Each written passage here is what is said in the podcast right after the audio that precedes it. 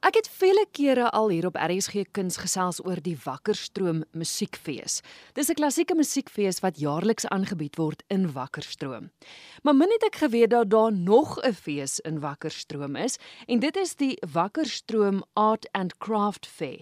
En om my meer daaroor te vertel, gesels ek met Engela van der Hoeven. Engela, baie welkom op RSG Kuns. Baie dankie Christel en dankie weer ons wil sê vir die geleentheid om met jou luisteraars te kan gaan sels oor ons fees wat ons daar aanbied in Wakkerstroom. Soos ek verstaan, dit lyk my ek was net agter die tyd gewees, maar dit is 'n fees wat vorige jare voor die pandemie ook al gereeld aangebied was in Wakkerstroom. Verstaan ek reg? Ja, die fees is al so 8, 9 jaar gelede begin deur ehm um, twee Wakkerstroom vroue Olive en Wendy.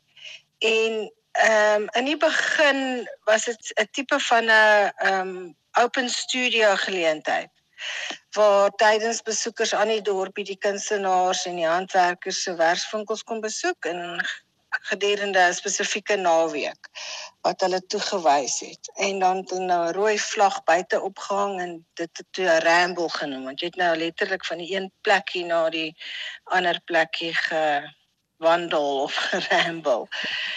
En so teen 2016 het uh man en vrou ehm um, maak en Karen Kotse die reëlings oorgeneem en hulle toe van die uh, gerestoreerde ruimtes in die dorpie ehm um, begin as uitstal ruimtes inkorporeer. En en in 20 ek dink 2017 het ons ook met die idee van 'n feeskunstenaar begin en Teresa Lissemore, sy is baie bekend in Johannesburg, 'n uh, galery eienaar. Sy help ons gewoonlik of sy ja, sy het ons daarmee gehelp en help ons nou weer daarmee om iemand te kry van Johannesburg om te kom uitstal in Wakkerstroom oor hierdie noord. Toe het ons nou nogal redelik gegroei en maar toe nou in 2020 soos met die musiekfees is dit toe nou alles gekanselleer as gevolg van COVID. En in Januarie hierdie jaar het 'n uh, 'n bietjie verskillende groep van ons oorgeneem by Karen en Maak en ons het besluit om wel hierdie jaar ehm, 'n um, uh, fees te reël. En dit vind dan plaas tussen die 16de en die 19de Junie oor daai lang naweek. Ek weet daar's altyd 'n debat of handwerk regte kuns is of nie. Maar die fokus, verstaan ek reg, is op kuns en handwerk. So dis eintlik een samevoeging van mense wat skep met hulle hande.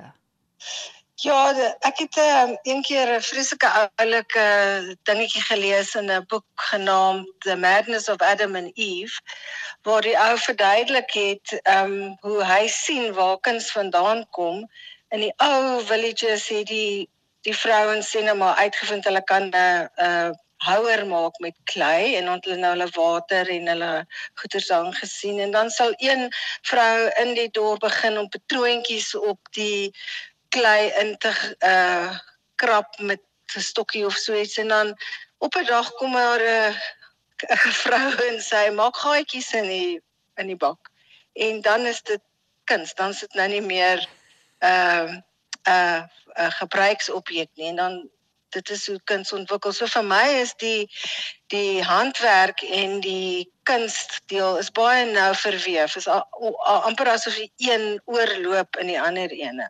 Absoluut. So die ja. een kan half nie sonder die ander ene bestaan vir my nie. En natuurlik ook met konseptuele kuns deesdae is daar raak daar baie handwerk betrokke in in kunswerke self. Ja.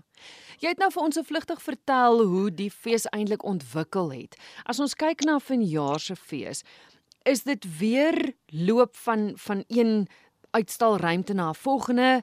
Wat behels vanjaar se fees? Hoe het dit verander en wat bied julle aan vir die vir die feesgangers?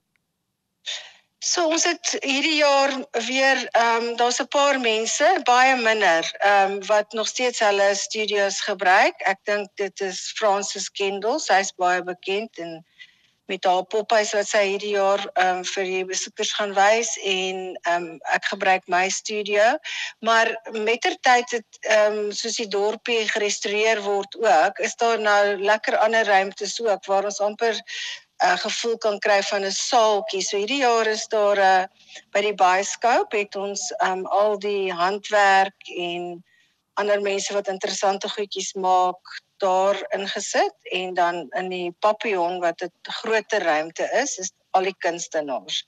En wat interessant is hierdie jaar en ek dink dit is definitief ehm um, ek dink is as gevolg van COVID waar ehm um, die die self die kunstenaar self 'n uh, versoeke versoek en half wegbeweeg van net om uit te wil staal en dan 'n meer interaktiewe ingesteldheid het. So meeste van die uh, mense wat uitstal het ook gevra of hulle 'n klein werkswinkel kan aanbied en party wil net 'n werkswinkel doen en dan doen hulle 'n klein uitstallingkie van hulle werk aan die kant. Nou, ek dink dit is maar seker na COVID waar almal ietsie nuuts vir hulle self aangeleer het en nou wil hulle dit vir ander mense oorgee. Dit is baie meer interaktief vir my en dit maak my nogal baie opgewonde. Ek is baie opgewonde oor daai daai gevoel. Ja, en dan het ons ons ons handwerk en dan ons verskillende kunstenaars en dan het ons ehm um, elke aand het ons 'n uh, eh, 'n eh, geleentheid wat ons ook aanbied. Ons het eers die donderdag aan die opening en dan Vrydag aand het ons 'n uh, paint night soos dit genoem word waar ons bietjie gaan kyk na die werk van Jean-Michel Basquiat en Saterdag aand het ons dan die musiek en musiekaand en ete wat daarmee saamgaan met Melanie Hofmeyer en Sonja van Sail wat ek ook dink baie baie lekker gaan wees. Ja. Ek wil gou terugkom by die feeskunstenaar. Uh jy het nou gesê jy het spesifiek een gekies. Wie is die kunstenaar?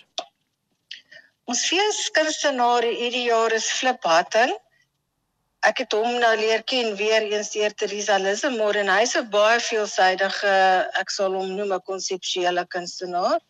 Hy teken, hy skilder, hy maak uh drie-dimensionele dis amper soos ehm um, klein skilderytjies of beeldhouwerkies maar wat driedimensioneel is en dan maak hy nog ongelooflike ongewone juwele ook. Hmm. Vir hierdie fees gaan ons vir al sy papiervleg of papierweefwerk uitstal. Ehm um, die stukke is ook baie konseptueel en jy kan elke werk wat hy nou so aan mekaar vleg letterlik soos 'n boek lees. Daar's 'n storie en om na hom te luister hoe hy nou die storie van die kunswerk vertel is is ook 'n 'n baie um betekenisvolle ervaring. Ja, hy gebruik nou papier. Hy ge, um hy maak sy eie papier en dan gebruik hy ou boeke en ou dokumente van sy familie wat al oorlede is. Hmm.